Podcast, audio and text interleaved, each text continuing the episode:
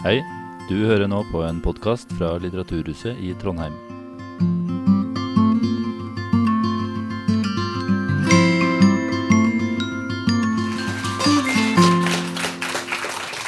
Hallo. Hallo, alle sammen. Og spesielt hallo til deg, Erlend. Hallo. Hallo. Ehm, mitt navn er Siri Aurland Bredesen. Jeg, skal, uh, jeg har fått det ærefulle oppdraget til å starte Nygardsfesten litt med deg. Men uh, først så vil jeg si gratulerer med ny bok, Erlend. Tusen takk. Ja. Femte uh, boka siden du debuterte i 2019. Ja. Så her går du unna. Oh, ja, ja. Priser renner inn. Ja, det var noe å ta hardt i, men Ja. Jeg veit at du har lovt publikum en uh, Nygaard-fest. Så jeg tenker at vi starter med å prate litt om hvem Olav Nygaard var først. Og så uh, må vi prate litt om denne her. Du slipper ikke unna så billig. Uh, og så tenker vi avslutningsvis at vi skal åpne litt for publikum. Uh, så hvis du har noen spørsmål til Erlend Det må være enten om Nygaard eller egen diktning, for vi dropper bridge-spørsmåla i kveld. Ok. Ja, det, er- det er greit for meg. Ja. Da kan vi spare det til slutt. Og da kan jeg um, eh, bare nevne det at det vi tar podkast av samtaler. Så hvis du vil stille spørsmål, så blir du antagelig med på Litteraturhusets egen podkast da den kommer ut. Vi skal starte med dikt, men først så må jeg spørre I og med at du har invitert oss inn til Nygardsfest her er det med denne nynorske mellomkrigspoeten med sitt arkaiske språk og dikt om lengsler, drømmer, døden og tapt ungdom som du tenker gjør seg så godt på fest? Ja, det, det, det var et godt spørsmål.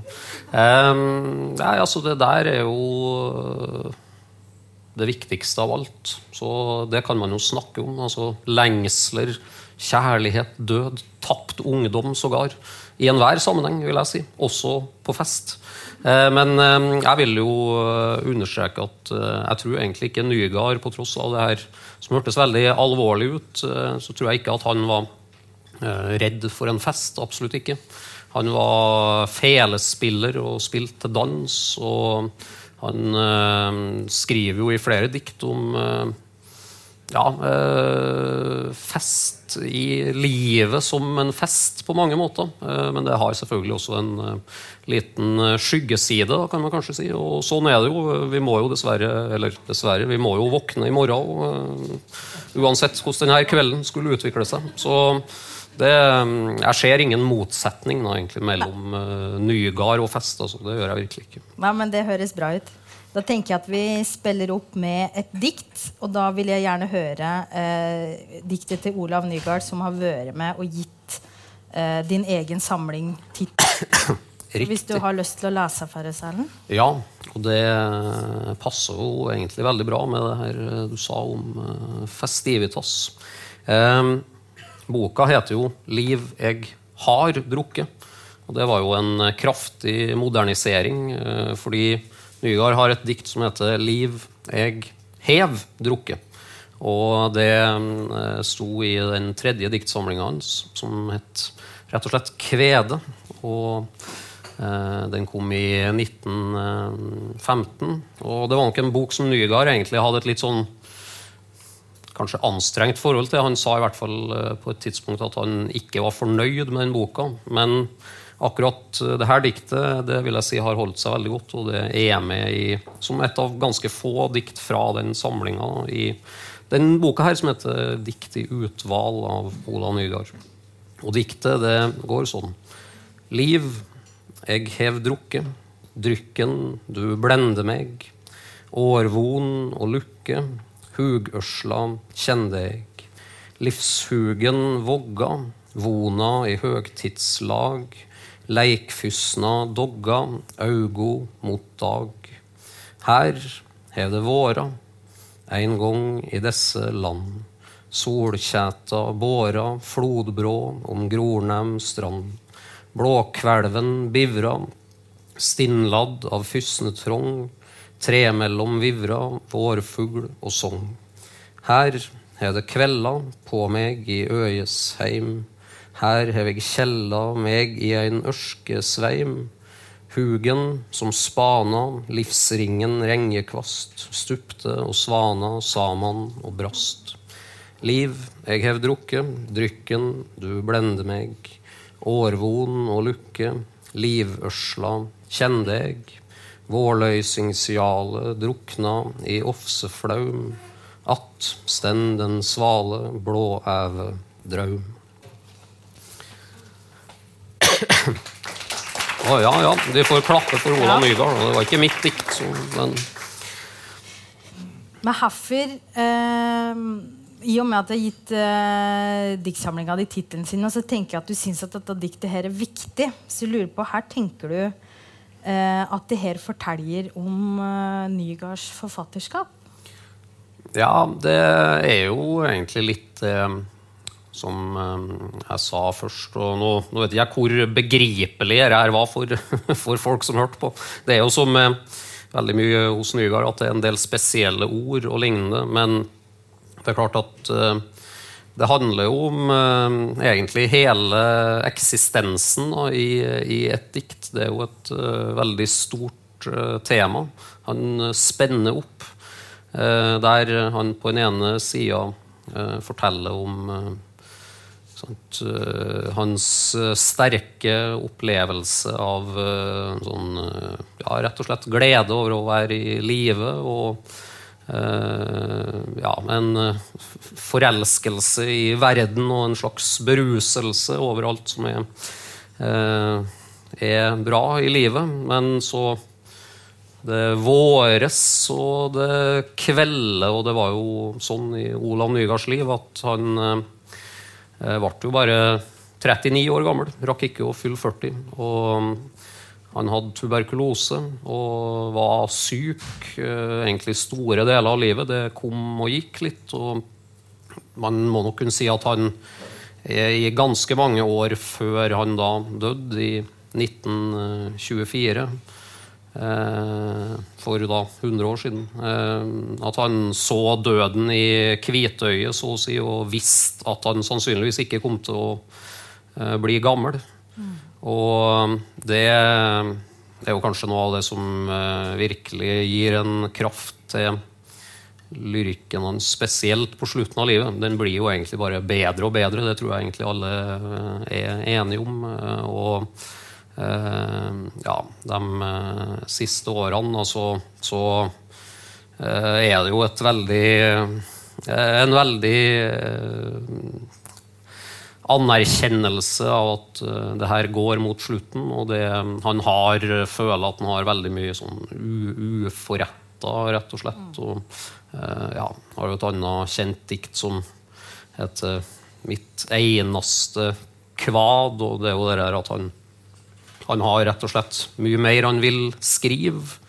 Kanskje først og fremst. Det var jo Diktinga var jo det aller viktigste for ham. Men han eh, skjønner at han ikke kommer til å få gjort alt det han vil. Rett og slett. Ja. Og det, ja. Så det er en, en fest med en eh, ganske kraftig bismak. etter hvert. Ikke sant, ja. Nei, for som du sier, Han rakk jo aldri å bli 40, og det er nå i februar egentlig 100 år siden han døde. Mm. Så det er vel derfor eh, det inviteres inn til fest. Ja. Um, Det- Ikke for å feire døden hans, men for å feire diktninga hans. Mm.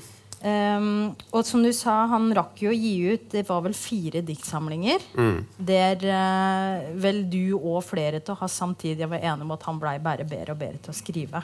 Mm. Der de, de tre første har en, eh, et litt mer kanskje jeg s- får si det litt flåsete med kveldens språk. Da, en litt mer sånn festlig, eh, festlig mm, tone. Så er den, den siste V-bandet, som i fjor, det var 100 år siden kom ut, er vel en litt tristere og litt mer som du sier, den dødsbevisstheten er mye mer tydelig da, som kommer ut.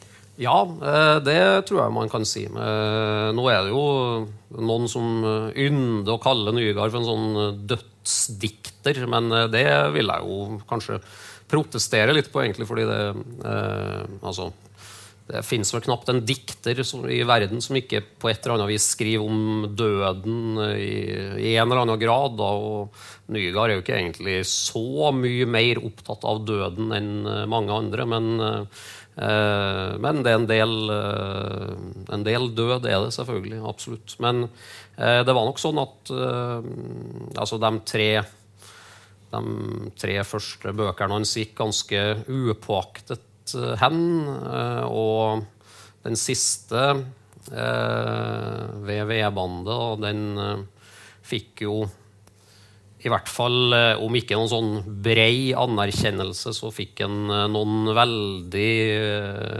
positive tilbakemeldinger. Blant annet veldig kjent fra Arne Garborg, da, som skrev til Nygaard og sa at det var Eh, ja, et, noe, noe, av det fineste vi hadde av lyrikk på norsk. Og, ja, så det var noen ting der som nok var ganske oppløftende for den tross alt ja. å, få, å, få, oppleve. Men, men ja, det gikk jo ikke så lang tid, så, så var det slutt. Og jeg mener å huske at det skrev ikke Garborg og det at han ville fått mer anerkjennelse hvis han hadde skrevet på bokmål. Um, ja, det, det, ja. Er, det, det, er, jo nevnt. En, en, annen person har jo sagt at uh, han uh, skulle ha skrevet på et verdensspråk. Ja, det var det. Uh, ja, ja.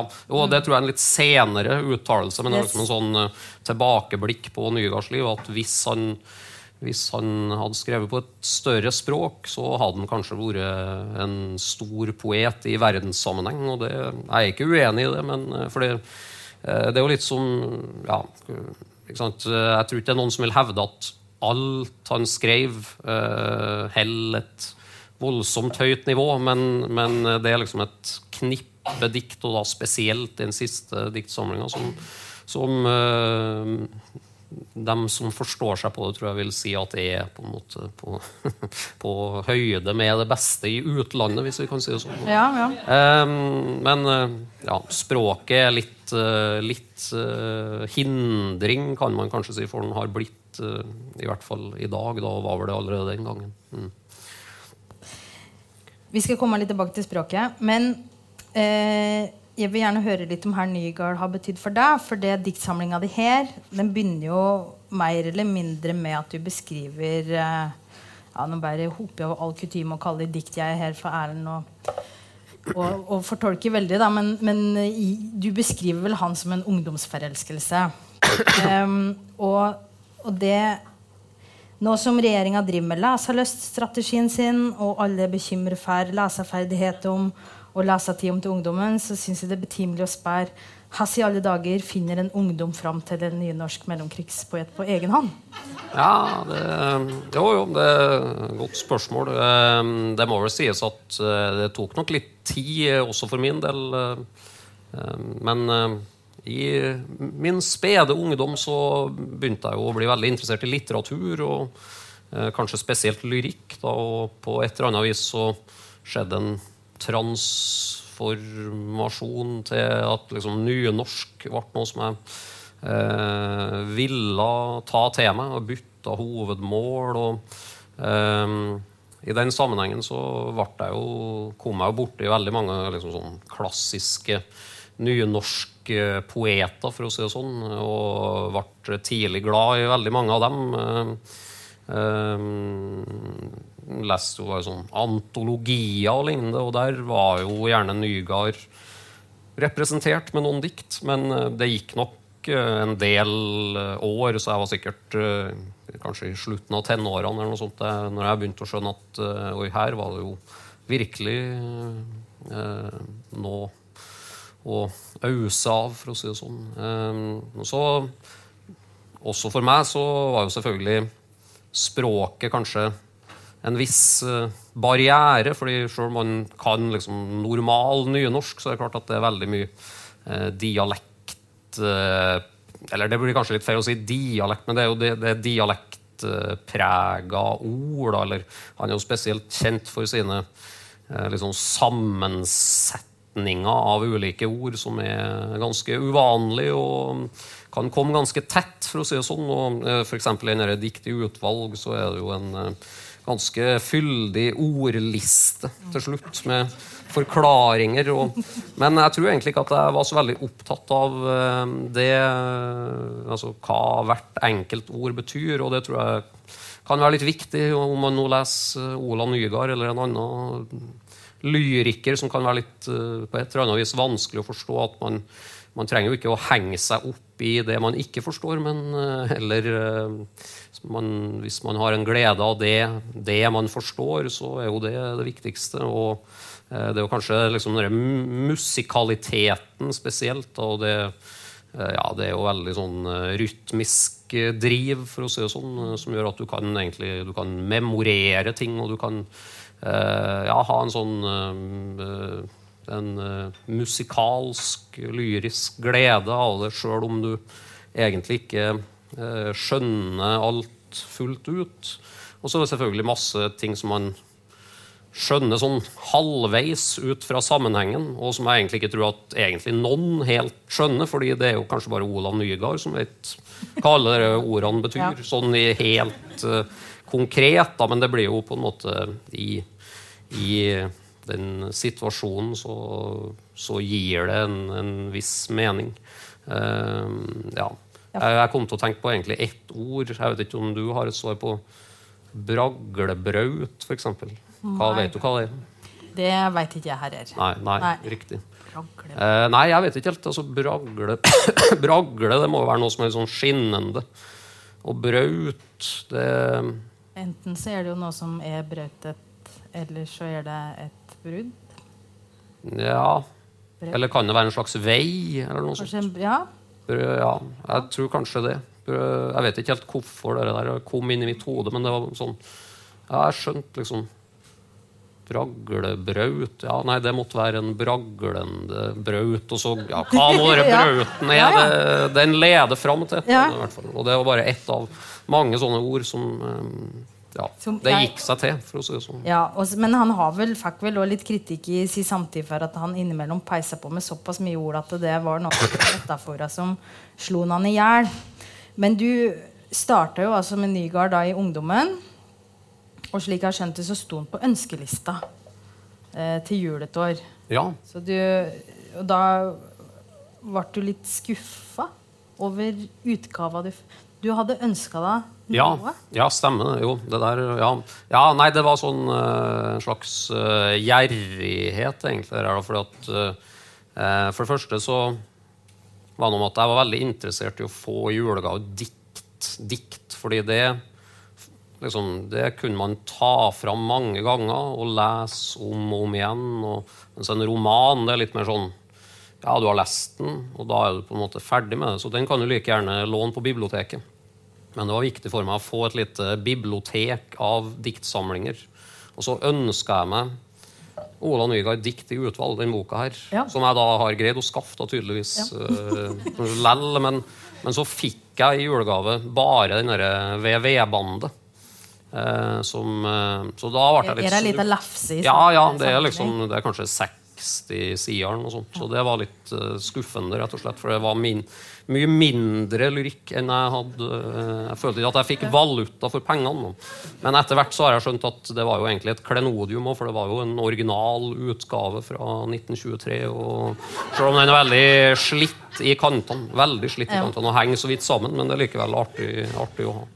Ja. Ja, for det er vel eh, Du beskriver den som en nesten sunnlesen bibel i, i samlinga di her. Ja. Men um, Nygaard er altså ferdig fra ungdommen. Og han har sikkert da, som vi skjønner, du tar fram dikt litt i ny og ne, men jeg tenker du har sikkert aldri erba så mye med han som du har erba i, i forkant av at du skrev det her. Så Hasse, apropos at den kanskje opplevdes litt utilgjengelig og litt vanskelig i ungdommen, Hasse har det vært å bli kjent med han på nytt? Jo, det har jeg hatt uh, stor glede av, det må jeg nå si. Uh, og aldri opplevd det som noe sånn uh, slit, egentlig.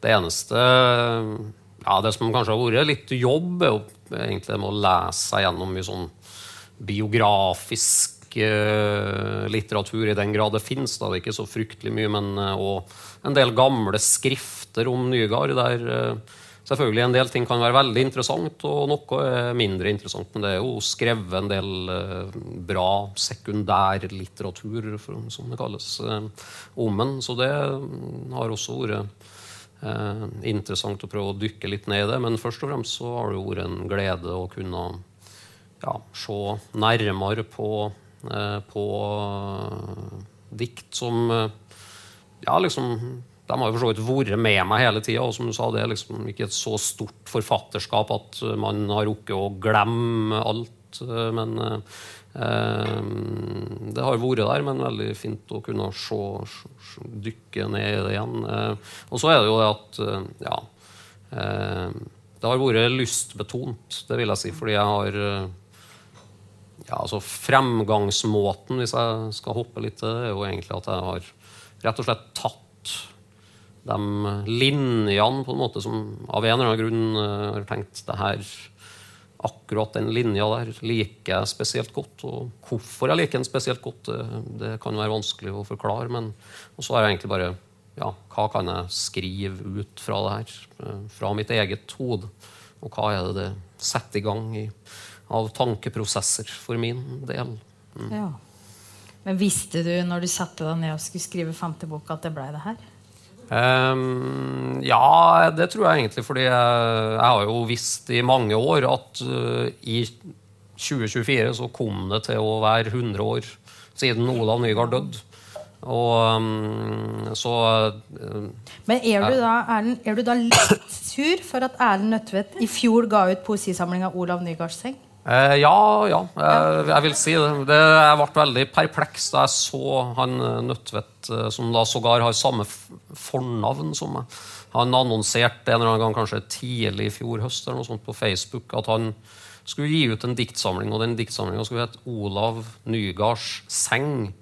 Eh, og det var jo ingen tvil om at her måtte du ha noe med Olav Nygaard å gjøre. Ja. Og det, på en måte er jo det gledelig, eh, men det som kanskje er litt Eh, sånn, eh, det, det, det jeg kan klage litt på, er jo at eh, den boka, eh, som er en veldig bra bok og har fått veldig god kritikk rettmessig, den har jo egentlig veldig lite med Olav Nygaard å gjøre. Det må vi jo si. For premisset er jo at han eh, får ei, eh, fatt i ei seng, som da visstnok har vært Olav Nygaards seng. Om det der er virkelig eller ikke, det vet jeg faktisk ikke, men det kan godt hende stemmer. Um, og så begynner han å ja, Han sover veldig dårlig og har forskjellige sånne uh, nygardske eh, Mer eller mindre. Eller han, han har ulike visjoner i den senga. Eh, og det er jo Ok, Det er Ola Nygaards seng, og han refererer til enkelte linjer fra Ola Nygaard her og der i boka. Men generelt så handler jo den boka om søvnløshet og, og søvn. Og har egentlig ikke så mye med Olav Nygaard å gjøre, og den er jo også fryktelig ulik min bok. det må jeg bare si. Ja da, så, så at, at de på en måte skal bli sammenligna, virker egentlig litt malplassert da, i mine øyne. For Ja. men det, det får jeg bare tåle. Det kan jo hende at det gir meg litt gratis oppmerksomhet. Og egentlig, så, Ja, Veit aldri, men jeg er enig med deg. For det du tar for deg mer livet og diktninga til Nygaard, så tror jeg at uh, Nødtvedt har bare tatt feberfantasi om oss og løpt av gårde. Ja, det, Eh, det kan man si. Uh, Det er jo en sånn uh, forestilling om Nygaard at han hadde ulike visjoner, eller hugsyner, som man kaller det. og det det stemmer nok kanskje han skriver litt om det. Det er veldig uklart hva de her hugsynene egentlig er. Men jeg tror ikke nødvendigvis at de ligner så mye på Nødtvedts eh, hugsyner. Men det skal ikke jeg si. Nei, det får vi aldri vite, faktisk. Men jeg skal, jeg skal snakke med han Nødtvedt i, i Bergen i mars, så kanskje jeg får noen svar på sånn Kjører de en bergensk Nygardsfest? Ja, ja, på sett og vis. Ja. På sett og vis. Ja. Um, jeg lurer på ja, her du tenker at det Nygaard, eh, Nygaard unnskyld, kan fortelle oss om vår samtid. Ja, det Jeg vet ikke om det er stort, for å si det sånn. Ja, altså ehm, Det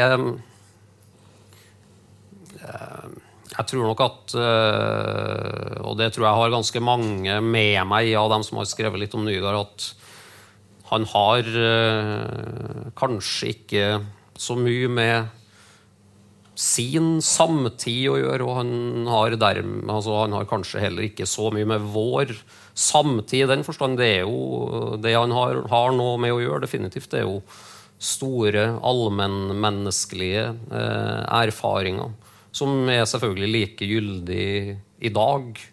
Eh, og kanskje vil være det om 100 år òg.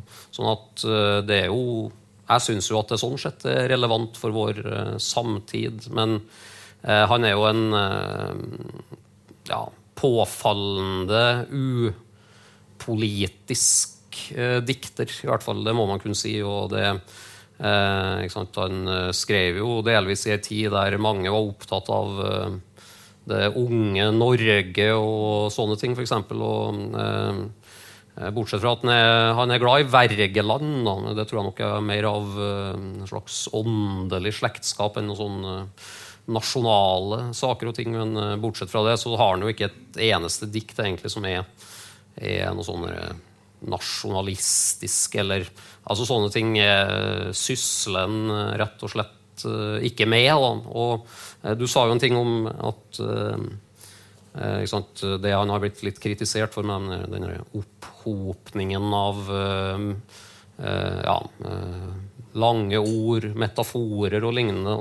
En beskrivelse som jeg liker veldig godt av, av Olav Nygaards lyrikk, er jo at han ikke på noe tidspunkt setter ramme rundt noe som helst. Altså han, eh, det var en som skrev om at hans verselinjer de bare springer i vei mot eh, uendeligheten. Og det høres kanskje litt, eh, litt voldsomt ut, men det er jo egentlig litt sånn i realiteten. Han er ikke opptatt av ja, små ting i hverdagen, men, men alt er på en måte en kuliss for et eller annet større. ja, og si mye sånn. sånn indre sjeleliv. Men jeg tenker jo det egentlig er relevant, det at det forteller oss i vår samtid at uh, de her eh, store altså Selv om formen kan endres, så er det ikke nødvendigvis innholdet i de store følelsene så veldig annerledes i dag enn det de var for 100 år siden. Nei. Og det, ja, det er jo en ting som er gledelig, syns jeg, med å, å, oppdage det når man leser Ola Nygaard, eller eh, for den del en annen dikter som man finner. Liksom, jeg skal ikke si at jeg det, det, er mange som har eh, gjort forsøk på å trekke Ola Nygaard frem fra glemselen, men det er klart han er jo ikke mye lest generelt. Det er han jo ikke. Men det at man liksom kan dykke litt ned under uh, overflata og se at her er det noe som fortsatt kan eh, tale til oss 100 år etter. Det er jo en uh, god opplevelse i seg selv. Mm. Mm. Hvordan kjenner du da til Nygaard sjøl som poet? Ja, hva skal man si? Eh, jeg tror nok at jeg tror nok egentlig vi er ganske forskjellige. Han, han er, er, kanskje en mer eh, tilsynelatende mer eh, åndelig eh, person eh, enn meg. da, Jeg er jo mer sånn ja, trønder. Litt uh, små ja, små Jeg vet ikke hva jeg skal kalle det. Smålig, skulle jeg til å si. Nei, uh, smålåten, forhåpentligvis. Ja. Eller, så det er jo noe med temperamentet der, men uh, jeg vet ikke helt. det er noe det er noe, noe, med interesser for hva man vil skrive om, da, selvfølgelig. Mm. Som Ja, som vi kanskje deler. Og for øvrig så må jeg jo si at uh, jeg kan ikke påberope meg å ha en så sånn tragisk skjebne som, som, det han hadde, heldigvis. Nå, ja, ja, ja. Nå er det riktignok noen år til jeg er 39 ennå. Ja. Uh, ja, bra bank i bordet. Men, men, det er klart, han, han levde i en helt annen tid og under helt andre vilkår og hadde jo, som jeg sa, et fryktelig vanskelig liv sånn materielt. og Alt var veldig slitsomt. og han, han, han møtte jo en Altså, eh, det var liksom bare en vegg av praktiske eh, hindringer. Sykdommen var noe ene, og så var det fattigdom, og det var, man må jo tjene til livets opphold. og Eh, så det var vanskelig for han å få gjort det som han virkelig gløda for, som var å skrive. For meg så er det mye lettere, det må jeg bare si. Så, så, mm, men jeg kan jo sende en eh, medlidende tanke til ham. Det- Jeg lurer på om vi skal bevege oss litt over til dine dikt. Og for å gjøre overgangen så sømløs som mulig, eh, varsla sømløs overgang her, altså, så vil jeg gjerne at du skal lese diktet på side 63. Ja. Og det har fått navnet parentes februar, parentes slutt. Mm. Eh, og da vil jeg bare si røpealarm. Som dere kanskje husker at har vært nevnt, så la Nygaard på røret en februardag. Den 11. februar. 11. Ja. Det var selvfølgelig da vi burde hatt arrangementer, men det var jo en søndag. Så det er jo mye bedre å ha det på en fredag, tross alt. Det er for det er fest. Ja, nettopp. Jubileum, som enkelte sier. Dødsjubileum. Nei, vi får kalle det en markering. Men diktet heter altså 'Februar'. I feberdraumen er alle dikta dine ferdig skrivne.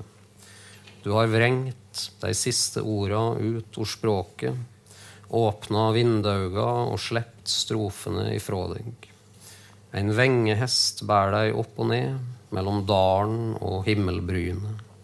Isklår, vinterdag der ute.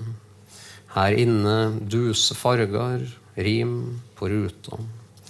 Om ein dødde, men fikk komme attende, vil ein kanskje sjå det litt klårere, hvor uverkelig det er, det heile. Skjøna alt eller ingenting. Gled seg over ei drivkvit sky så lenge hun finst, og stilla i et vassglas medan hjarta ennå tørstar. Desse blasse blomane på dyna. Du ba ho brenne alle arka, men røysta er så veik at einast veggene forstår deg. Når skogen er felt, står det att for stomnane og lye etter vindharpa i ulmande lunger. Hun let bare omnstøra opp og att, tror du, før hun gikk ut etter bjørkris og gåsunger, noe å pynte avskilen med. Vart så lenge borte. Du krøkjer deg opp, legg handa på dørklinka, fingrene spede som på et barn, hovedet fullt av retninger. Du skal sæla på hesten. Ja. Beklager hosten, men uh, Ideelt sett skulle de ha klappa over det. Em, du har jo røkket å få litt omtale og anmeldelser på boka di. Flere av dem ganske begeistra.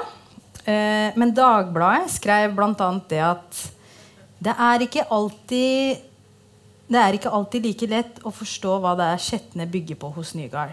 Men det er jo det vi skal prøve å finne ut litt nå i dag. Ja. Det er vel tanken. For det her um, diktet som Unnskyld, det diktet som vi hørte nå, det uh, er vel, slik jeg leser det litt som, om Nygaards dødsdag. Og det låner da det her vingehestmotivet hans, som har vært litt viktig for han. Den her flyver, en hest som flyver.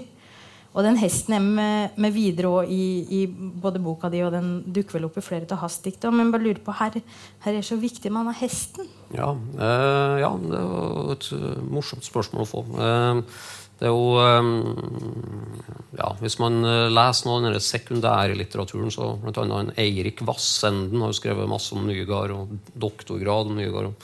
Han har en sånn lang analyse av et dikt i eh, det er faktisk åpningsdiktet i den siste boka ved Vedbandet, som heter 'Til gampen min'. Og um, det er jo egentlig et dikt som kanskje sier veldig mye om uh, Nygards uh, uh, diktning i det hele tatt. Da. Man kan jo si at mye av diktninga hans egentlig er en sånn diktning om diktning. Men eh, sant, det er eh, ja, det er på en måte litt morsomt og nesten, fordi det er eh, en slags eh, påkallelse av liksom den derre Pegasus, Som er liksom hesten som ja, fær med budskap mellom gudene og ja, Sevs og, og jorda, eller hvordan det er i gresk mytologi. Og, eh, så du har på den ene sida denne Pegasusen og en slags lovprisning om den, eh, også, av den. Og så eh, ja, kollapser det på en måte litt mot slutten. Og det viser seg at uh, det her var kanskje egentlig bare en ja, gammel gamp, for å si det sånn. Uh, og um, jeg tror faktisk jeg har vel med et lite, et lite vers. Det er noe, noen Nygard-sitat i i boka her òg. ja, de fire linjene her er jo fra det diktet. Man sier at eller var det i draum med fann oppveg og lei gjennom dynjande himlar en gang, da på solskodd og sylfaksa skyer med rei med en morgenbjart stjerne her song.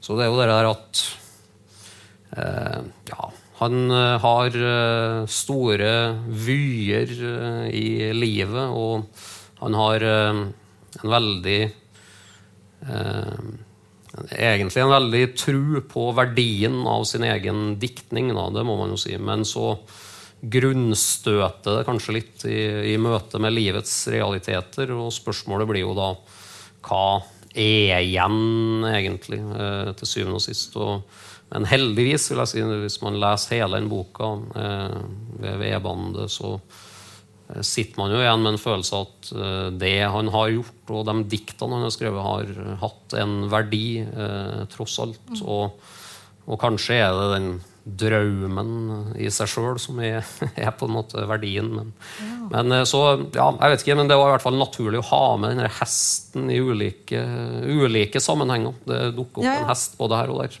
Og det gjør det for så vidt hos uh, Nygaard òg. Men den vingehesten, det, det, er nok Pegasus, rett og slett. Ja.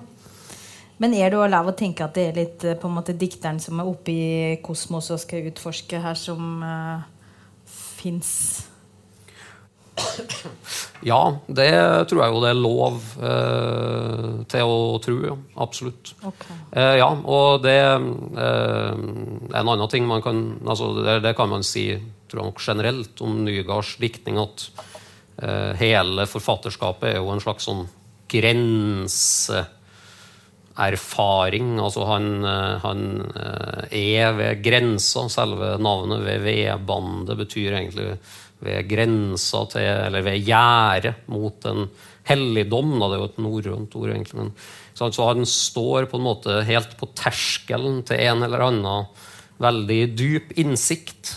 Eh, og kanskje får han på et eller annet vis den innsikten. Mm. Eller kanskje får han den med et nødskrik ikke. Så, men han, han, har på en måte tro på at det er et eller annet av en, eh, en eh, du, Nå sa du kosmos, da, men jeg syns at det er litt egentlig litt sånn sentralt, kanskje hos Eller i hvert fall for meg, eller min forståelse av Nygaard, å si at jeg opplever det ikke som en sånn Det er ikke en religiøs sak, egentlig. Det er noe som han, han kommer aldri til noen sånn innsikt om at noe Eh, hvis jeg bare begynner å tro på Gud, så er det løsningen. Eller det fins et liv etter døden, eller noe sånt. Nei, han eh, Kanskje gjør det det, men eh, det er på en måte en uh, undring som kan være aktuell for oss alle sammen. Og så eh, er jo spørsmålet hva ja, liksom, Hva er det den drømmen som han, mm. som han strekker seg etter? Og da liker jeg egentlig å tenke at det er kanskje for hans del i hvert fall, så er det nok diktninga i seg sjøl som var så viktig for han. Og eh, han har et eh, dikt i, i, også i VV-bandet eh, som heter 'Det trengs så lita minning', og der han skriver om at ja, Vi kan ta fire linjer derfra som jeg tror jeg har i hodet. 'Det trengs så lita minning', Bare skuggen av einkvann slumpehøves Eh, Værlaus slumpehøves ting. Eh, en tuvetopp som lufter grasstråluggen. Et fly som svirrer tankeløst ikring. Og så Det er jo det at gjennom diktninga så kan en på en måte finne en verdi også i de små tingene, som kanskje til syvende og sist er det han sitter igjen med i, i sitt uh, Ja. strevsomme liv. Og det, ja, det tror jeg det, det er viktig, mener jeg da i hvert fall. Mm. Ja, ja.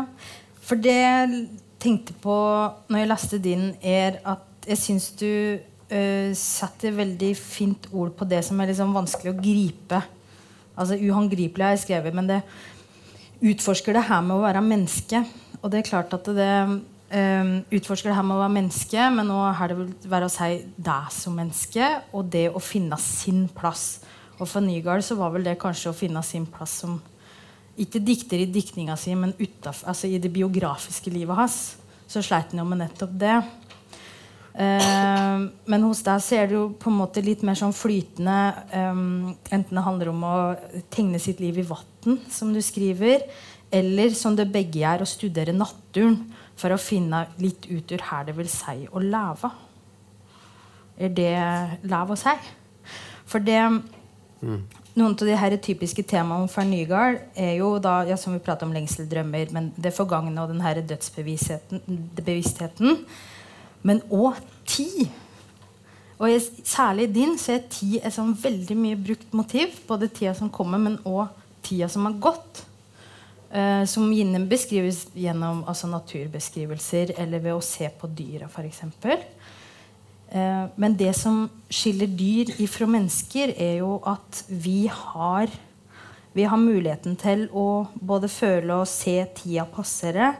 Vi, eh, vi har jo altså drømmer og lengsler. Eh, men vi kan mediere dem. altså Vi har, har måter å prosessere det på. Erkjennelseshorisonter, hukommelse, som skiller oss veldig fra dyra. Og det er kanskje at en må stå og se på det litt utenfra. Og med en gang en tar den posi posisjonen med å stå og se på ting litt utafra, um, så glapp spørsmålet mitt. Skal vi se her. Um, så tenker jeg at det Ja, at, unnskyld. Det er der. Ja, nå, her, nå runder sirkelen her. Da tenker jeg at det handler litt om å finne sin egen plass. da. Mm. Eh, ja. Det var, ja, eh, skal vi se her nå hva, spørs, hva var egentlig spørsmålet? Ja, finne sin egen plass, i hvert fall. Ja. La oss uh, si to ord om det. da. Eller å utforske det å være menneske, men ikke bare men det generelle mennesket, men å være enkeltmenneske i hverdag, da. Mm. Ja. Det, jo, jeg, jeg er enig i det, tror jeg. Eh, altså ehm, som, jeg som jeg for så vidt allerede har sagt, da, det er klart for eh, For Nygard så eh, var det jo sånn at Jeg tror egentlig ikke det var Diktninga var jo helt altoppslukende. Og han sleit nok med å finne sin plass utom i det hele tatt det å være eh, forfatter. Um, jeg skal ikke si at det eh, eh, har vært så, så vanskelig for meg, men, eh, men eh, ja eh, jeg, altså jeg har jo prøvd og Jeg har jo egentlig måttet velge ut bare de tingene som jeg har eh, funnet interessant i Nygards eh, dikt, rett og slett. Og helt klart det med tid og det å stå og betrakte sitt eget liv. Eh, ja, tilbake i tid og også. Sant, hva, hva er det man skal gjøre med det videre? Det er noe som, er, som jeg tror er helt sentralt eh, i, i boka. Og, og så, men så har jeg nok vært opptatt av det, det her er kanskje ikke så godt svar på spørsmålet, men eh, Det var et nei, spørsmål. nei, nei, det var akkurat Det? det var det som gjorde det litt vanskelig. Ja, men, så vær så eh, god. Nei, for det, det var en, eh, en slags kritikk av boka at det også kunne være vanskelig å forstå måte, hvem er det som eh, snakker, eller fra hvilket punkt eh, snakkes det. Men jeg har egentlig bare tenkt at det er kanskje ikke så viktig heller om det er jeg som snakker, eller om det er Nygard, eller eh, for den del noen helt andre. Det er jo, et eh, slags, det er jo en kvinne med i bildet her òg, som en slags sånn lyrisk du, som er en eh, kjærlighet. Men andre, andre ganger så er det noen andre som er, eh, som er du, og det er kanskje Nygard sjøl. Eh, men det er jo litt av den friheten man har i lyrikken, at du kan, tre tilbake og se på ting fra, fra utsida. Både deg sjøl og et liv som har blitt levd for lenge siden. Ja. Så det var kanskje et litt kaotisk svar, men Ja, men jeg tror, jeg tror, ikke det er så enkelt å oppsummere heller. For det, det, jeg prøver å dra, trekke noen linjer over en hel diktsamling. Som du sier, skifte litt posisjoner og, og prate ut ifra og prate, prate til. Mm. Um, men det det, det, vi òg må prate om, er jo litt formen. For det Nygaard er en litt mer romantisk dikter, sånn sett, kanskje. Litt sånn bøttig form. Um, og um, Ja, bøttig form og litt sånn strengere vers. Men du dikter ganske fritt. Mm. Men, ha, men, du har jo selvfølgelig noen dikt med dine enderim og rim og rytme som jeg tipper at uh, du har sittet og telt dine stavelser på. Men uh, jeg lurer på hen har du hen, um, Hvorfor, hvorfor ville du skille deg fra Nygaard der, og hvor finner du eventuelt rytmen din sjøl? Ja, uh, jeg tror nok at uh, jeg tror jeg bare måtte slå fra meg på et tidlig tidspunkt at jeg skulle prøve å skrive noen sånne imitasjon av Nygaard. for å si Det sånn. Det hadde blitt uh, umulig og sannsynligvis ikke så bra, og kanskje endt opp som litt ja, jeg vet ikke, ufrivillig komisk, eller fordi han har en helt særegen måte å skrive på, og eh, ja, til dels innenfor en spesiell sånn strofeform som er ganske streng, men som han virkelig mestrer til fulle. Da. Men eh, det, det Dessverre så er det nok sånn at det, det passer kanskje ikke helt uh, i vår tid, rett og slett. Altså, uh, det kunne vært en diskusjon i seg sjøl, det med rim eller ikke rim i lyrikken. Uh, jeg er jo absolutt av den oppfatningen at det, det kan være det, det, er kanskje litt for lite dikt på rim i norsk lyrikk. Det er kanskje mer vanlig i utlandet. Og det, Av og til så er det jo litt eh, befriende egentlig å måtte skrive noe på rim, fordi du blir egentlig tvunget til å skrive på en helt annen måte enn det du, som var din første innskytelse. Og du, du er nødt til å gå eh, helt andre veier med språket. Eh, så det har jeg absolutt stor glede av, og har også derfor med noen, eh, tatt med noen dikt eh, som er på rim i denne boka. Men det er litt mer sånn eksperiment, egentlig. Ja. Eh, så jeg tror det hadde blitt for, ja, for uh, bundet hvis alt skulle ha vært sånn, i alle fall. Det, det må jeg si. Jeg vil bare slenge til altså det da at eh, Nygaard sin diktning har blitt beskrevet som at den bare på en måte altså den er, Hva var det du sa at verselinjene hans var uendelige?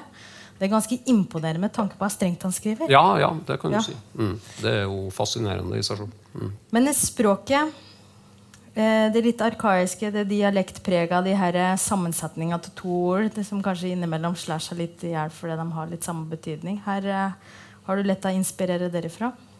Ja øh, Jeg tror ikke jeg, Det var en liten beskyldning fra en kritiker om at jeg har brukt en del sånne ord sjøl. Jeg kan ikke helt se at det er så veldig mye av det. Det, det tror jeg ikke. Men jeg har Eh, kanskje i visse tilfeller har tatt meg friheten til å bruke noen litt gamle Nygaard-ord som jeg mener kan uh, forstås i sammenhengen. og det, det, er jo bare en litt sånn artig ting å gjøre, syns jeg. Og man trenger kanskje ikke å være så redd for det eller å bruke et gammelt ord i ny og ne. Det er mange gamle ord som kan fortjene et nytt liv, i hvert fall.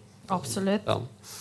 Du har jo nylig vært intervjua i Samtiden, og der kunne vi lære at du bl.a. foretrekker filterkaffe over espresso og Lady Gaga framfor Taylor Swift. ja, jeg vet knapt hvem noen er med, egentlig. Ja, det var sånn, du, du måtte noe svar på det. Ja, for jeg skulle si det er alle viktige erkjennelser som gjør at vi blir bedre kjent med deg som forfatter. Men du fikk jo òg lov til å prate litt om uh, skrivinga di. Mm. Og der uttalte du at du er klar for kritikk om at du kan være tilbakeskuende og opphengt i fortida. Ja. Men da vil jeg bare stille et ganske ledende spørsmål som, uh, som skal gi deg litt uh, si, altså, Som er svar på den kritikken. For låner ikke all litteratur fra det som kom før? Jo, det vil jeg jo si. Ja, ja absolutt. Så det, det, er ikke noe nytt i seg sjøl, egentlig. Det er noe kanskje det at jeg også skriver nynorsk, selvfølgelig, som enkelte i seg sjøl kanskje kan oppfatte som eh, gammeldags. Eller det er så, ja, men det finnes så mange varianter av nynorsk. Da, sånn at det er klart i den Med en gang du skriver en litt konservativ form for nynorsk, som jeg kanskje gjør, så kan jo det sikkert virke litt, eh, litt gammeldags. Men det i seg sjøl å skrive på en måte i en slags dialog med en forfatter som har levd, eller som lever, det er jo veldig vanlig og kan være, kan være fruktbart, vil jeg si. Så det tror ikke jeg Jeg er ikke den første som har gjort det. Nei, du er ikke den eneste i rommet her i dag. Nei, definitivt ikke. Nei. Nei. Klokka går. Ja, klokka jeg lurer på om vi før vi åpner for spørsmål, skal avslutte med et dikt som faktisk tar oss med inn i samtida, i vår moderne tid. Ja, mm. En eh, slags hyllest til plassen vi er på i dag. Det, det er kort. Eller Ja. Ja. Så bekymrer dere ikke. Skal vi se, hvor var det var? Det var på 55, sorry. 55. Uh, ja. Nei, det, jeg vet egentlig ikke helt hvorfor det her eh, ble med i boka, men eh, det ble det, og det, kanskje det har sin funksjon. Uh, og det går rett og slett sånn. Uh, på Litteraturhuset er dikta sylta eple, graskar, neper, i krukker i hyller langs veggen. Bilete av halvnakne, dansende mennesker røper at kroppen, sulten, elsken ennå finst, bare et håndtrykk unna. På nokre tilstelninger, rett nok aldri de med obskure poeter i hovedrolla, sitter folk så tett at det verkar truleg at det må finnes et dikt som kan mette alle de hungrige og stille torsten til havet. Ja, og det var det. Da tenker vi ja.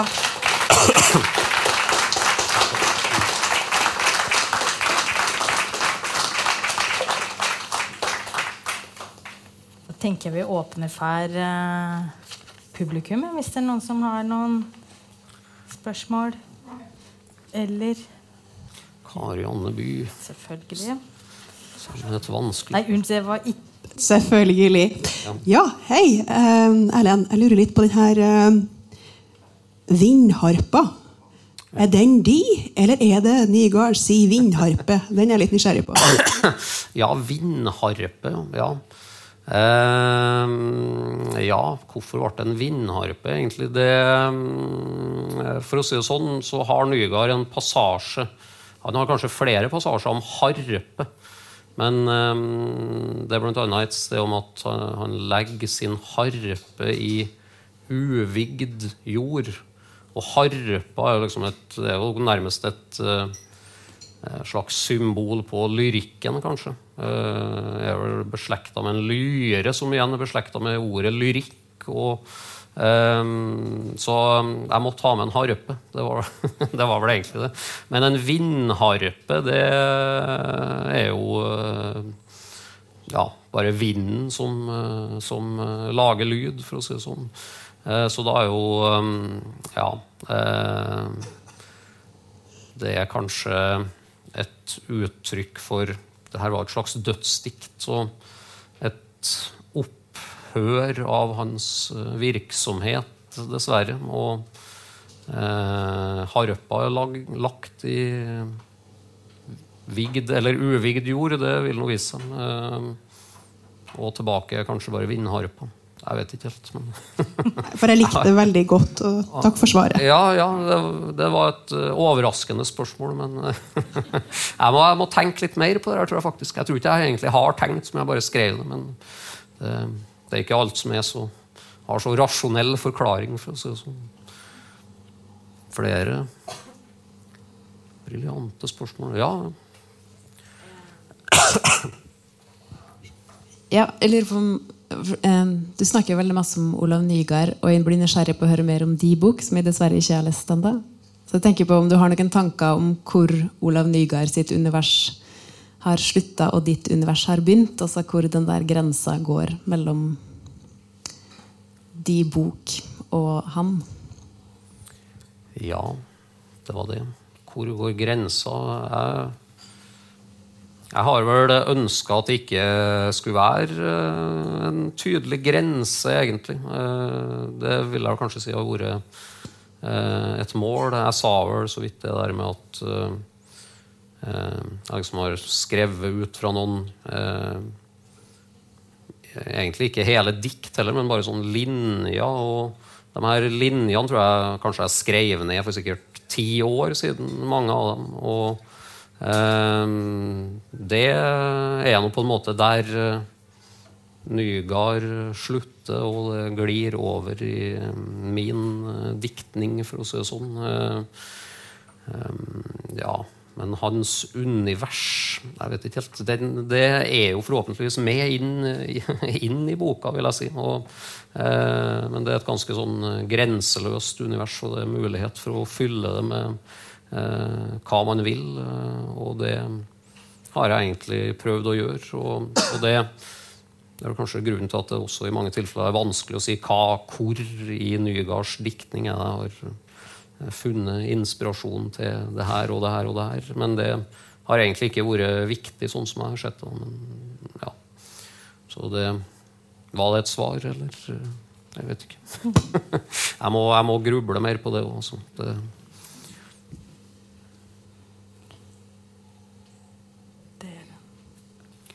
Eh, når du skriver om eh, naturen, så eh, føler jeg at du har et At du stopper opp. Sånn som på lupina, så stopper du opp, og så står du der foran deg. Mens når du snakker om kjærleiken, så ikke direkte til naturen, så sitter du mer hjemme og, og undrer. Eller du tenker mer igjennom hva naturen gjør for diktet. Kan det være noe du gjør bevisst? Ja, det vil jeg tro. det var vanskelige spørsmål. Kom her. Det var liksom ikke noe sånn eh, Det var ikke noe kort, kort svar, men um, Nei, altså Jeg er veldig glad i å skrive om natur, og jeg syns det, det, er egentlig en takknemlig sak å skrive om det. det det er så mye å ta av. Det er mange blomster og mange dyr. og mye man, eh, Det er en god del om fugler i boka, blant annet. Um, hos Nygaard Nygard det er, kanskje, det er nok kanskje en forskjell, egentlig. Så må man, må man si at alt Jeg brukte ordet kuliss. Han har veldig lite sånne rene beskrivelser av Altså Han bruker den vestlandsnaturen som han kom ifra. Han var fra Modalen i Nord-Hordaland og det bratte eh, fjell og trange daler osv.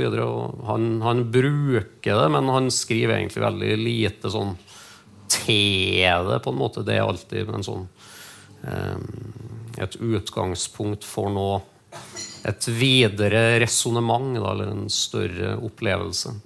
Så der tror jeg nok det er en forskjell mellom meg og han. Eh, jeg er mer tilbøyelig til å bare stoppe opp kanskje og betrakte en ting, og så får det, eller nå i naturen, og så får det eh, være nok i seg sjøl. Og det med ja, kjærligheten, det Jeg vet ikke helt. Har ikke så mye ja, har ikke så mye greie på det. Eller jeg har noe Jeg har nå greid meg bra, heldigvis. Men, men eh, det, det, er jo vanskeligere å Ja, jeg vet ikke helt. Eh, det, det, er vanskeligere å skrive noe som er sluttet, for å si det sånn, om, om det. Ja. Det får bli det jeg kan si om Finito. Ja. Tusen takk for spørsmålene. Eh, nå har vi holdt på lenge og lenge, så jeg skjønner at dere kanskje dere skal snart få en pause. Det er jo ikke ferdig. Eh, Siri hun trakk seg tilbake. Tusen takk, Siri. Eh, grunnen til det er jo at jeg eh, glir nå over i rollen som en sånn eh, konferansier. Vi har selvfølgelig mer på programmet. Eh, og det første det er at vi skal få litt musikk. Ehm, etter musikken så skal vi ta ja, 10-15 minutter pause, tenker jeg. Så dere kan gå og kjøpe dere hva dere vil, eh, eller gå på do, som er nede der. Um, og når vi er ferdig med pausen, så vil det bli lyrikk. Bingo, ja. bingo, da blir det bingo. Nei, da blir det Jeg skal lese litt fra min bok, og vi har to forfattere med oss som jeg skal introdusere nærmere, som skal lese dikt av Olav Nygaard. Men før pausen så må vi ha litt musikk. Og jeg nevnte jo det at uh, Olav Nygaard han var uh, felspiller. Uh, personlig så må jeg si at jeg foretrekker klaver egentlig foran fele. Og det er grunnen til at jeg har bedt Haldis Flakne om å komme hit og spille vel å merke noen folketoner må vi si, for oss på piano. Haldis er i likhet med meg fra Melhus og veldig glad for å kunne si at hun er en og hun og hennes mann er venner av min lille familie.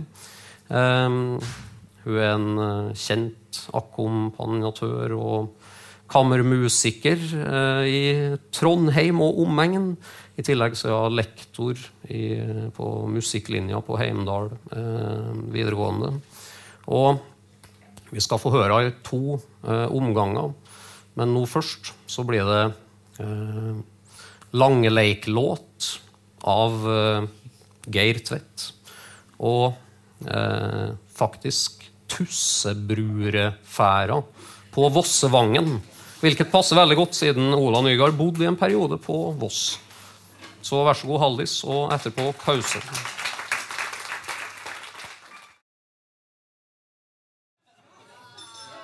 Hallo, hallo.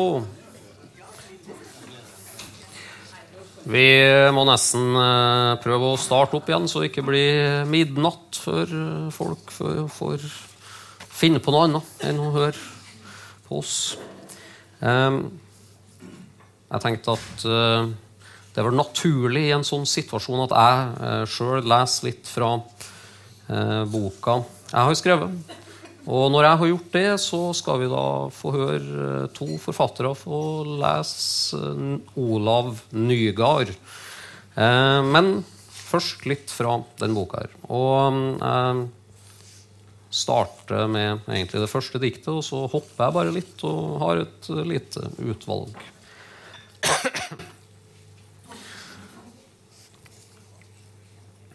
Jeg er her for å møte ei ungdomsforelsking. Jeg sier det for at ingen igjen skal tru at jeg er ensom. Hugsynene har lenge vært et gjestebåd ikring meg, en fest som viskar grensene ut og manar fram denne eine. Ho liknar ingen annan må vite. Ho gjøymer seg, kan hende der borte nå, attom lauvhenget. Ei lita rasling er nok, som av ei flyktande rype, eller eit glimt av vatn liljeleikande. Noko eg kan synge.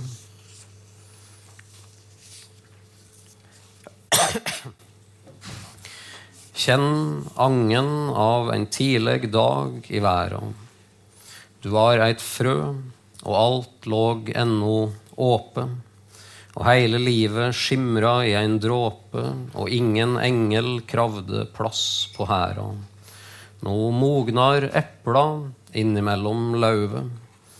Kva veg eit liv om ingen hender helde, som frukt fra mørke greiner fell og felle heilt utan lyd, for alle her er dauve.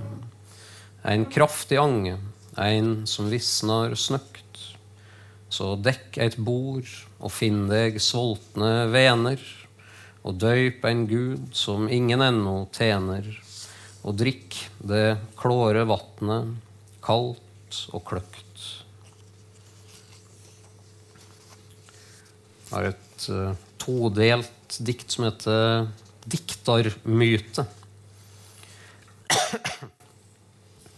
Han med hatten i handa. Han som står mellom gamle hus og stryker et barn gjennom håret. Han ein ikke ser før ein ser at alle ser på han.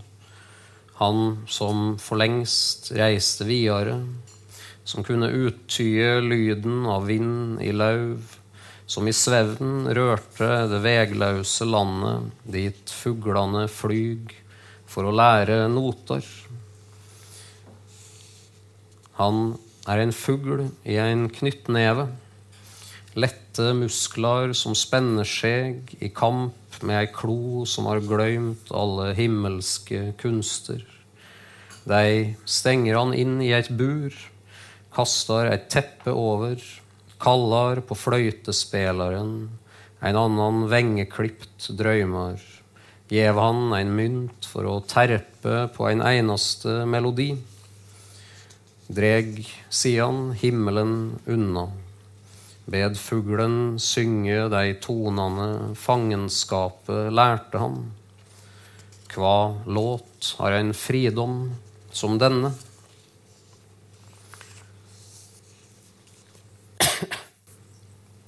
Spedbarnet strekker seg mot det skinende punktet. Nett som eit tre gjør, eit tre med blad som sjølve funklar i sola. Nett som ei sjor stæl sylv, ho med dei skimrande halefjørene. Skuggen av urskiva på veggen, ein planet styrt av håndleddet. Sollyset eller ei teikning av det, eller bare ei lampe i taket, eller bare en flakkende refleksjon på en mørkere botn. For barnet kommer det ut på det samme. Lyset glepp likevel unna, og det vesle en til slutt kan ynske seg, er ei ru eller heilt glatt flate, alt etter hva fingrene elsker. Sæl den som går gjennom livet uten å kjenne lungene sine, som puster uten angst, som må hvile øyra mot et annet bryst for å høre sitt eget hjerte, som blør og blør i tru på at kjelda er bunnløs. Selv den som deler havet, legger tindene under seg. Selv den som ser over grensa og kanskje skal leve evig, som dør i et lynglimt.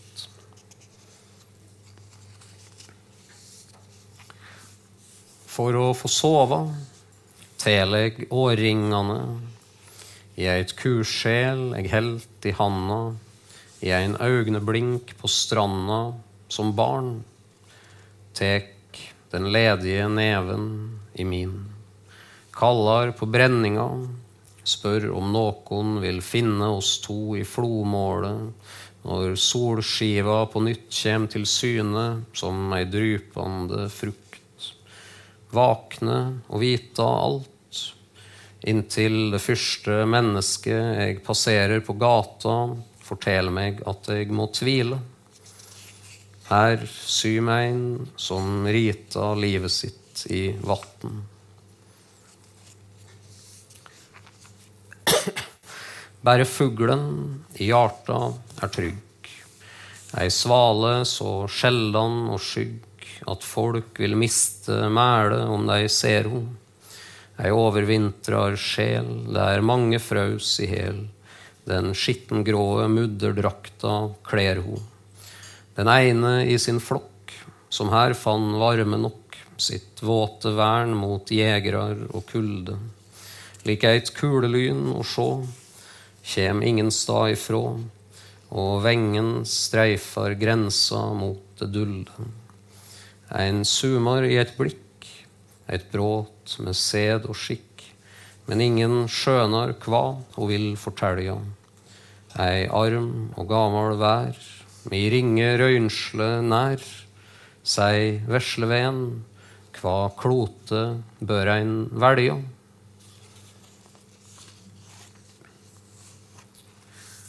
Denne staden, dra dit du vil, du er likevel i kraftfeltet kringom fjellet og fossen, den lange vegen og slitet dag etter dag. Mjølk renn og blod renn, og dyr trør i snarene, fisken spreller i garnet.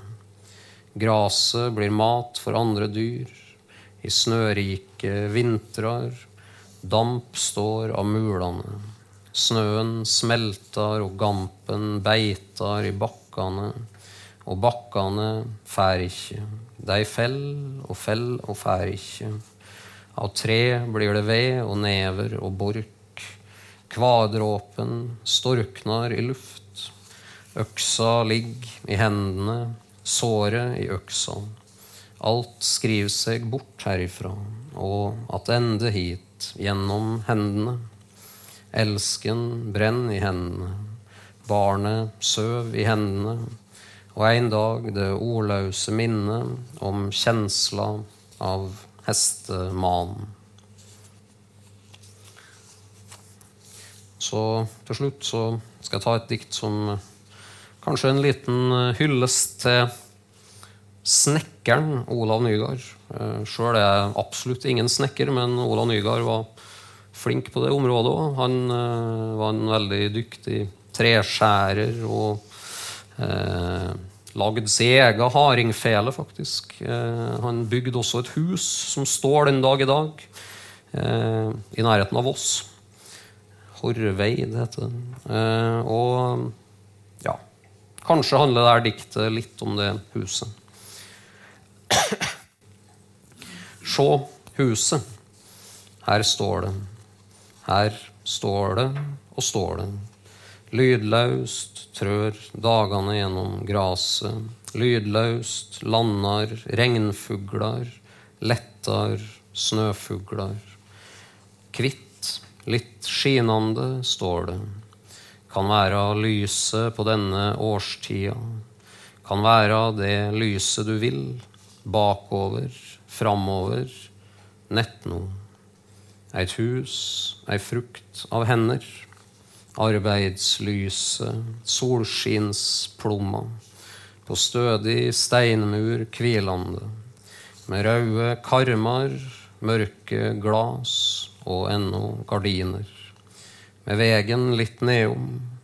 Spor etter hjul, etter reiser, med kløver i midten. Fram imot grinda, mot hagen, mot lykta ved døra. Skal finnes en nøkkel. En nøkkel skal høve i døra. Ei hand har lege på klinka. Skal finnes en tone i gangjarna, et skår i stilla. Med tette lauvskogen kring. Med lauvskugger inne i romma, over veggene, sengene. Der dynene, putene ligg, der svevnen fløymde. Takk.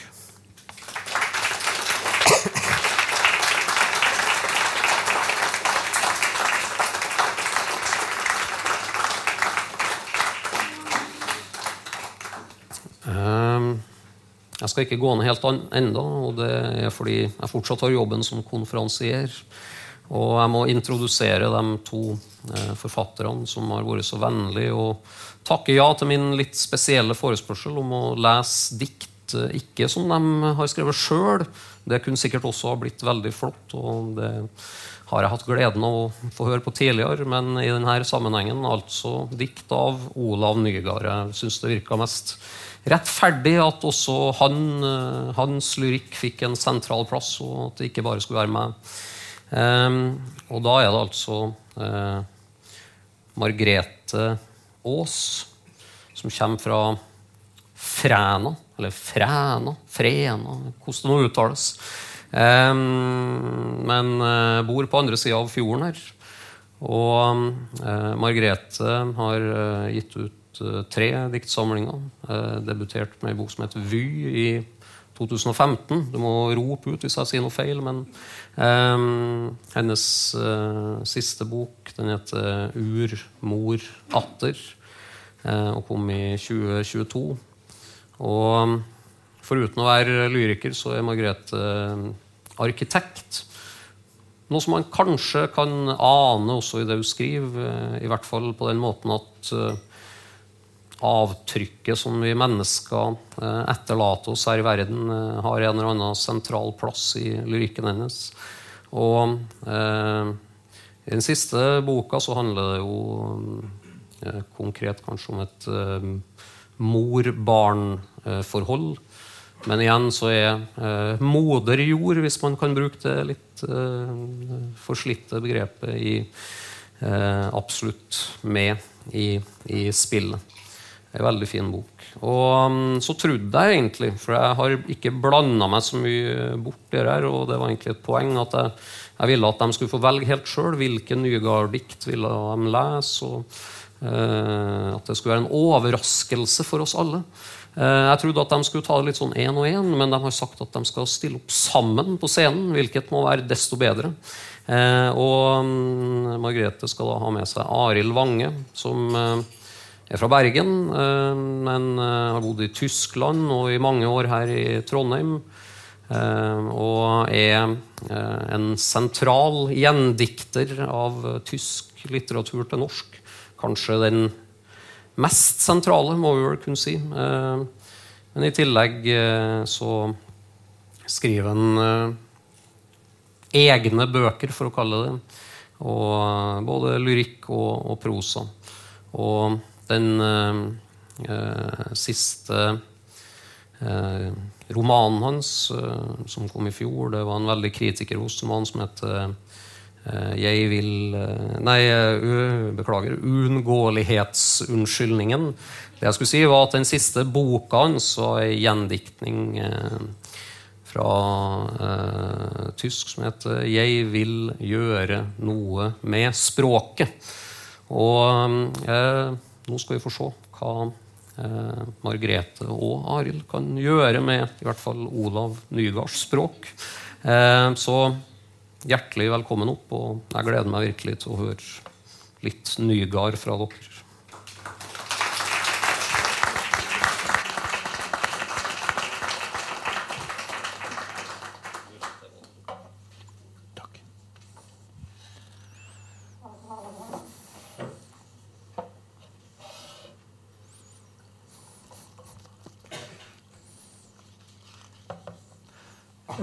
Ja, tusen takk.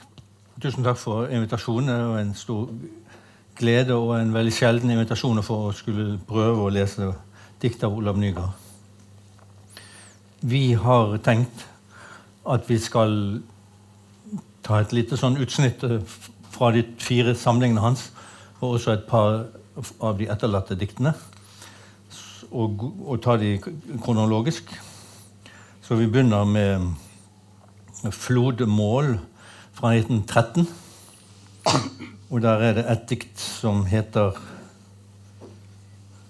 Eg er ettvill.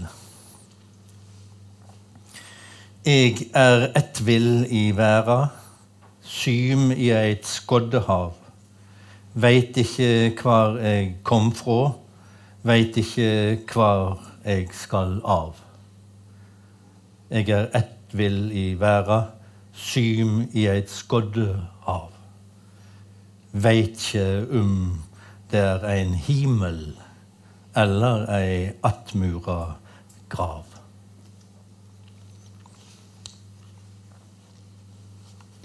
Svevn.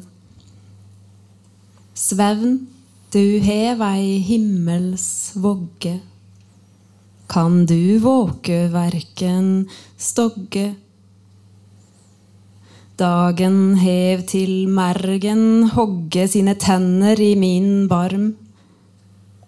Bær meg inn i soldraumsblåne, austan sol og vestan måne. Lat meg draumevenger låne så eg vaknar heil og varm.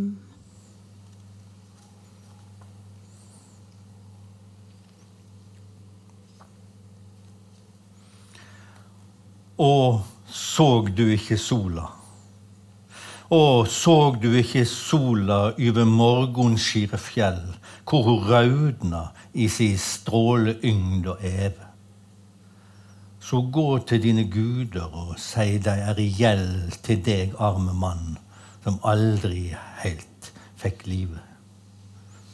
Å, såg du ikke sola nede i Skara, aust og nord, hvor hun stunder fram i morgenskapningsbroen Og høyrde du ikke sangen som steig fra nyskapt jord, bort igjennom underdjupet himmelblåen?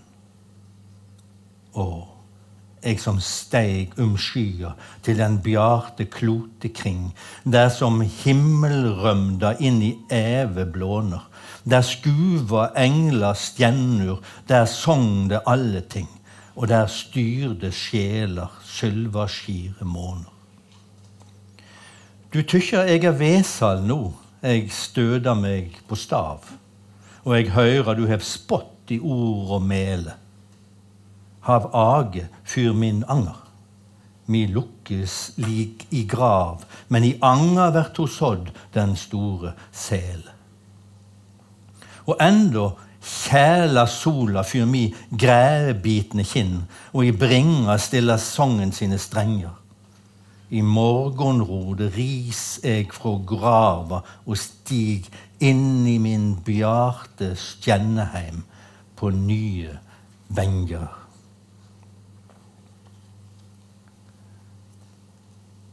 Bare en liten kommentar. Det er veldig påfallende når jeg valgte ut de diktene som jeg, skulle, jeg hadde mest lyst til å lese, at det dreier seg om soldikt.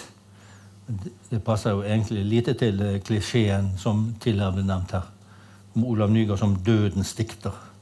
Og en, uh, en litt uh, og, og, mye trist og mye tungt.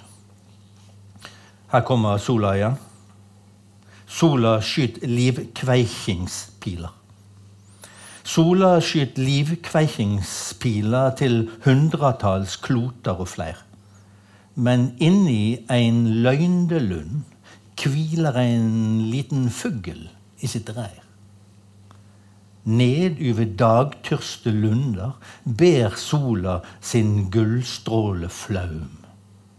Men inn under lauvtekkja blunder den vesle fuglen i draum. Det er den evige storsong der sola i rømdene ror. Men fuglen gjev liv for sin morstrong og skaper sjeler av jord.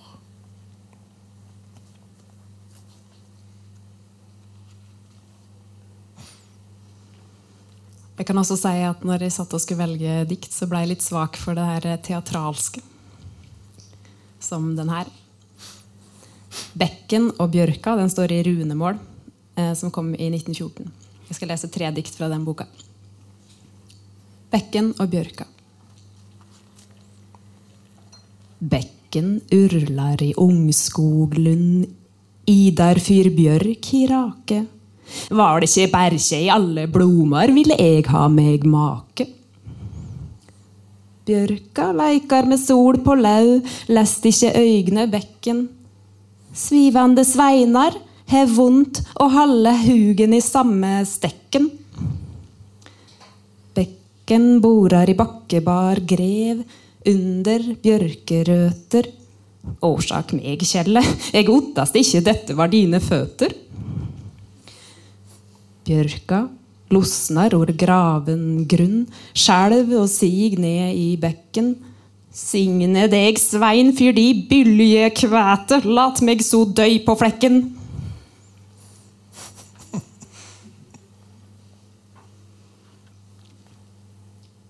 Kva veg ei sjel? Hva veg ei sjel i verdsens store skåler? Hva er ei sjel, det veike nådesting? Hva misser verda om hun ikke tåler det kvasse dagsens klogrip i sin bring? Ei sjel er tåke. Hennar hjarteklage er ørskerøl fra villstyrd bånemunn, ei atterløype fra vår draumehage som villa seg her inn på klårdagsgrunn.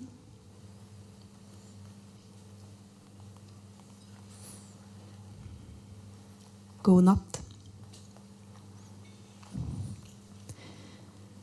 Hvite venger hvile yver deg i natt. Alveanlit smile under skymingshatt. Jose Alvar sanke nøring åt din tanke til du vaknar att. Himmelsdraumar linde i sitt blomespinn dine sviv og binde roser på di kinn. Må din draum deg sanke det din vakne tanke trår, men aldri finn.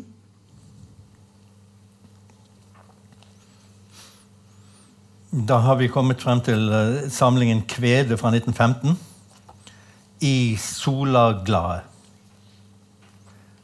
Sola drøyper blodrød eld over skire blåfjellsbruner.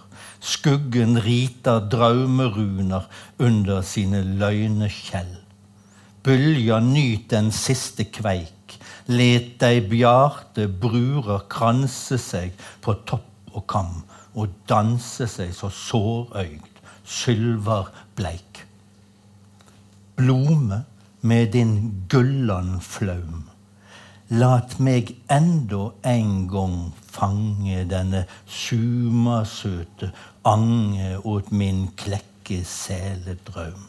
Åpne meg di honningseng til å nøre mine mjuke sumarsviv de elskhugssjuke alveliv med fivreld veng.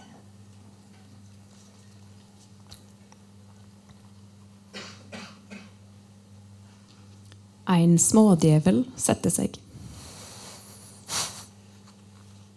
En smådjevel sette seg oppå en stein. Han glodde på verda, han glodde og gein. Ei fyrdelig fysne i bringa hans rand, det spela i alt det som auga hans fann. Han bisna på bygda, han glåpte i sky. Å, aie meg sæle, hvor verda er ny. Det rende tre englar med runur ikring. Dei fjetra han midt i ein meinbægjering. Han dimna i augo, han luta mot jord. Så måtte han stave på ABC-ord. Han slapp ikke fra det. Hvor ille han let, hvor mæle det tjukna og augo dei gret. Da snudde han blankaste sida si fram og las, så han gjorde ein lesterunge skam. Og englene dansa og trippa på tå. Nå gjev meg deg nystråken engleham på. Han kunne si ABC-lekse på rams, og fikk så den fjørfine kvitenglevams. Da løyste de runer og meinbergering, og skislungen hoppa så lettfødt ikring. Han hivde seg vengbanen om stengsle og brik, da høyrde dei skilleg eit ramhuga skrik. Og kvitenglehammen i dipelen låg, men aldri ei dust ut av innmat dei såg men djupt ned i delvdene utangen lo. Eg mister ikkje meir enn ei utslita klo. Ai, ai med gudsæle, verda er rar. Eg trur at eg ruslar meg ned til han far.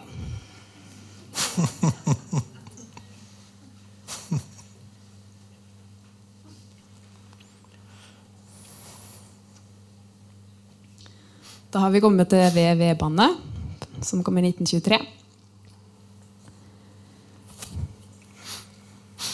Bakum. Bakum loftet bivre blå heng, velter æva sine bårer. Skrid med sylvskaut, kastar bråvengskimt som gylte blometåror. Å, mitt auge, hvor du spanar ut ditt stråletyrste fang. Men den sæle syna svanar bort i skodd på skuggevang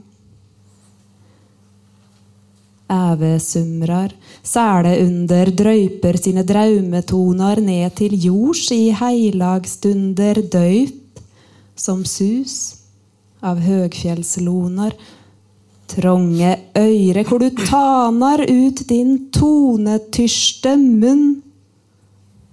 Men den sæle songen svanar bort i dur fra gravlands grunn. Gudenektar, sælebrunnar, sprenger sine ådertunger gjennom grot og gråsteinsgrunner, tiplar fram i bergesprunger, spør kje hjarte kvi eg møter, desse hardberg, denne mur. Himmelsøte soningsbøter i ein dråpe nektar bur.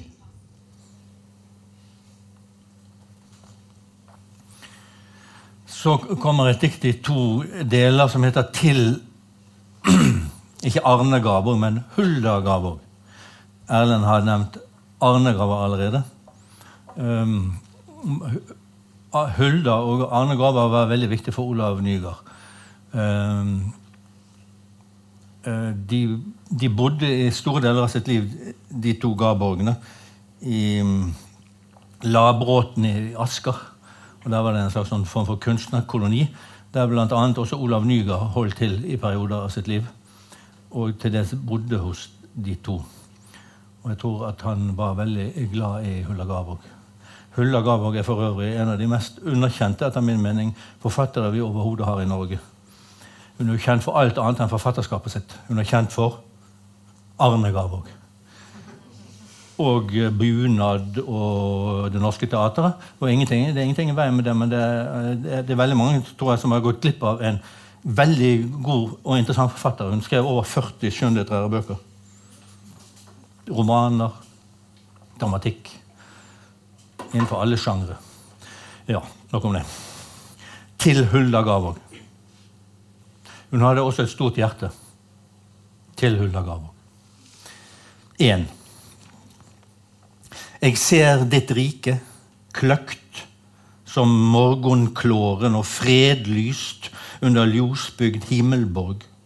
Der gjeng den eveunge blide våren og breia blomer over livsens torg. Der kvendehugen, djup og draumebåren, gjev sjølve selestunda timd av sorg. Der styrer ettertyngde, særde hender ei stormvend jord mot lågne himmelstrender. Du fann ei stormvend jord i kalde strømmer. Ho duva tungt i skumsprut kring si sol. Da såg du etter livsens runetaumer, som kunne binde våan i sitt bol.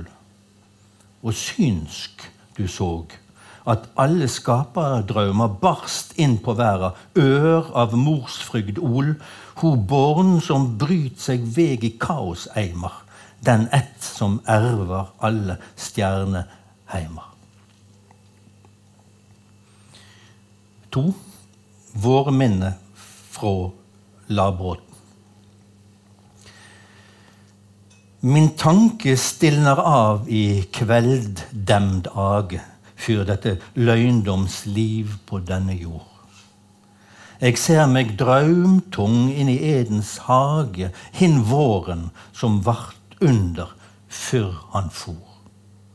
Som bølgeskavl tung i flodadraget slær minnet mot mi hugstrand, og det ror en sylvskir alvesong med døyde, døyvde toner inn over endeløse himmelsloner. Hin våren flødde fram ord alle grunner, eit solhav rulla over ås og vang, og jorda åpna sine rikdomsbrunner og tok den himmelgåva varmt i fang. Og tusen blomer brast lik barnemunner, der glederopa spana seg til sprang.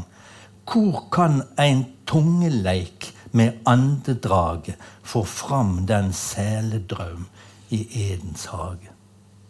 Jeg løfter duken fra med vare hender. Der hviler alt i evig morgenmunn. Men med jeg stirer, ris det opp og sender en bølgefoss av liv i samme stund til skiftes, slik det vakner opp og vender attende til sin kyrre tempellund. Og tida gjev meg viljukt sine dager. Jeg drukna deg i draum om Edens Hager. Du, Arild, jeg har ikke tenkt på at vi er med i et dikt her. For du leste Ås og Vang. Nei! Aha. Det var derfor, det var derfor jeg valgte ut det diktet. Ubevisst, som det heter. Aha. Kanskje det kommer flere sånne? Når vil den ljose? Når vil den ljose himmels morgen renne og bygge gylte kupler opp i sky? Når skal den sele solsprettsus jeg kjenne og skjelve i det store skapningsgry? Når sigers fana suser meg om ende og grava brest og sela vakna ny? Og om du søv i ytste allheimsblåne, spenn flogfjør ut, skjot hit om sol og måne.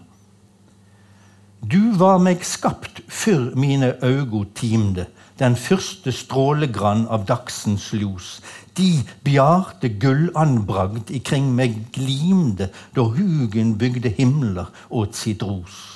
I heilagsstunder dine stråler stimde som åndehærer utor eve os.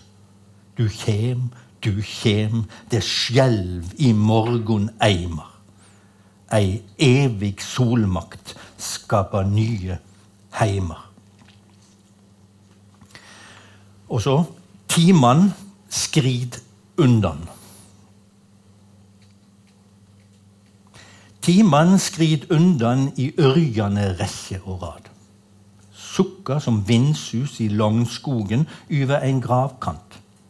Svaner den ene med hin liksom droper fra blad fallende av ned i aurstilla, måler eit gravsant spegelbilete. Å, jord, er din hunger så stor? Kan du ikke vente ei stund? Er alt lånet forfallet? Alt skal du få, hver den kvitt. Jeg skal duke ditt bord hungrende brur, med din gjestebode rett. Men er timan nå alle? Å, jeg fikk fylle så få med mitt varmeste liv. Læresvein ria vart lang, ja, eg trivlar og stamar endå på næmingeleksa, og brennhugen riv bivrande blodlevrer ut or dei avsjela hamar etter dei hundretalls blåøygde solrenningsborn. Kvitrande kvede som anda i ljos æter, dala ned i mitt rike som lerkur i vårsol og ånd. Budde til ævelig sogn, men fann helhesten sala. Timan skrid undan, og dynjande årklokkur slær. Medan det æsande livsdrama gjeng over tile, akt etter akt, og genia med elkyndler fer flograpt som stjernerap fram og set høgflodig spile. Er det ikke ein stand i rømden ein avdølesstad? Gøymd og fordrøymd og lagd ut om all livgjeven lagnad. Der vil jeg dorme med solheimer slukner i rad. Vogge og stille min sviende sårbrann til tagnad.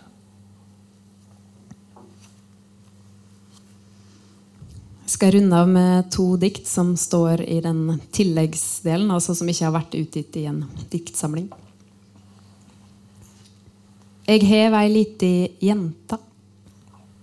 Jeg hev ei lita jenta. Det er så vent eit viv. Jeg er åt sjølve himmelen komen når fram om meg ho sviv. Jeg hev ei lita jenta, så ljos som sumar sky.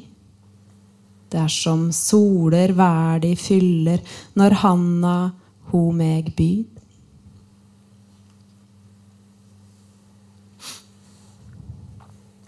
Ei han.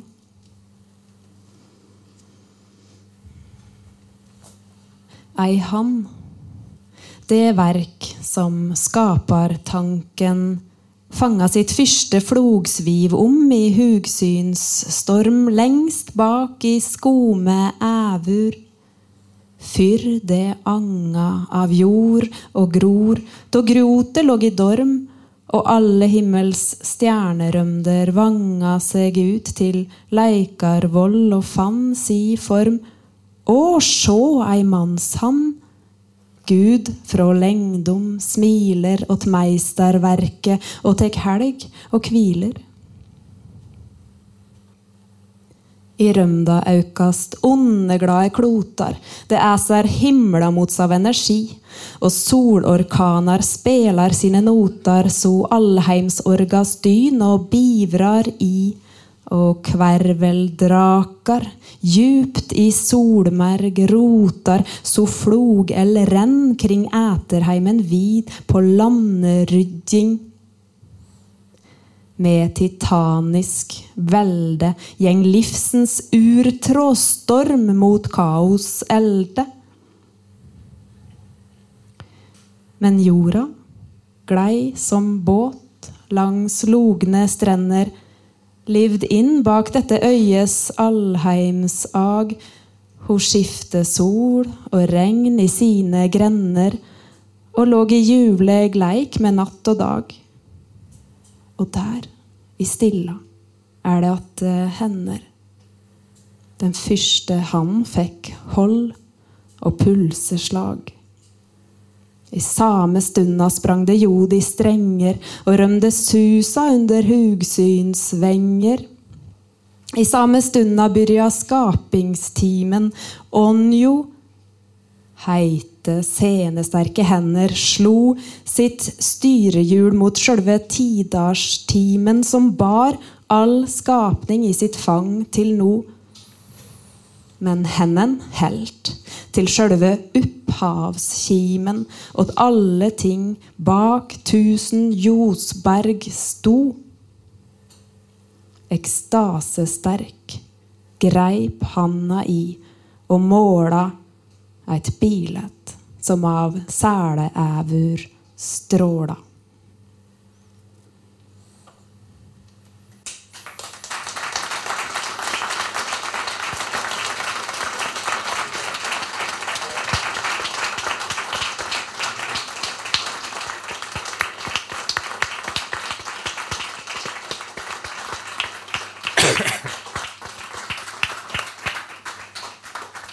Tusen hjertelig takk, eh, Margrethe og Arild.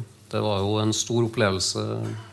Sikkert spesielt for meg, men eh, forhåpentligvis for flere. Det tror jeg nok. Eh, det må ha krevd litt forberedelse. Det er ganske mye vokabular for å si det sånn, som man skal tilegne seg. Men det, det var en veldig Ja. En veldig stor opplevelse for meg å få høre på. Det må jeg bare si. Så ja, nei, det, den tok dere på strak arm. Ja. Så det Hjertelig takk.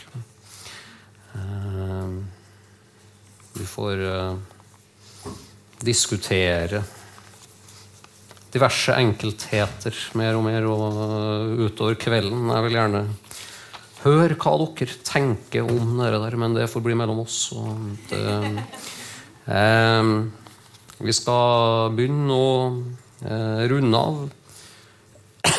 En ting som jeg må få sagt, eh, er at eh, dette arrangementet har blitt eh, støtta av både Nidaros Mållag og eh, Trønderlaget, som er fylkeslag for, eh, av Noregs Mållag. Så det vil jeg si en, tusen, en stor takk til dem for.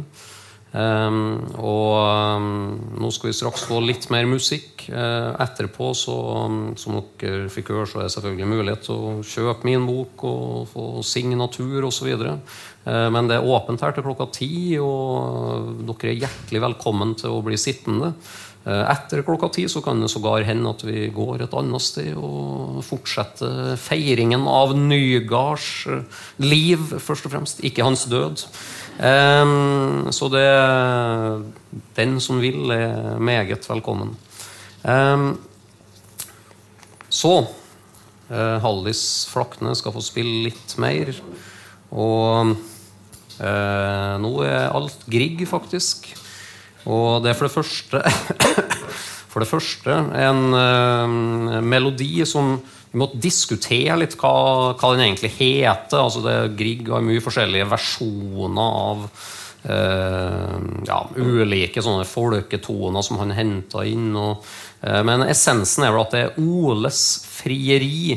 Det som er spesielt med og grunnen til at jeg egentlig ønska meg akkurat denne, er at det er faktisk den tonen som brukes i av alle ting Melhussongen, som jeg regner med alle kjenner veldig godt om. Det er jo en, en vakker, gammel folketone. Eh, så skal vi få høre en halling, rett og slett. Eh, og til slutt eh, en efterklang, eller etterklang. Og det er jo fra Griegs lyriske stykker. Det siste. Det er selve avslutningen, så det passer veldig bra. Ja. Nei, men Vær så god, Hallis. Så, så sier jeg tusen takk for eh, fremmøtet. Veldig hyggelig at så mange ville komme. Og vel hjem, eller bli her og ha en fin kveld videre. Takk for meg.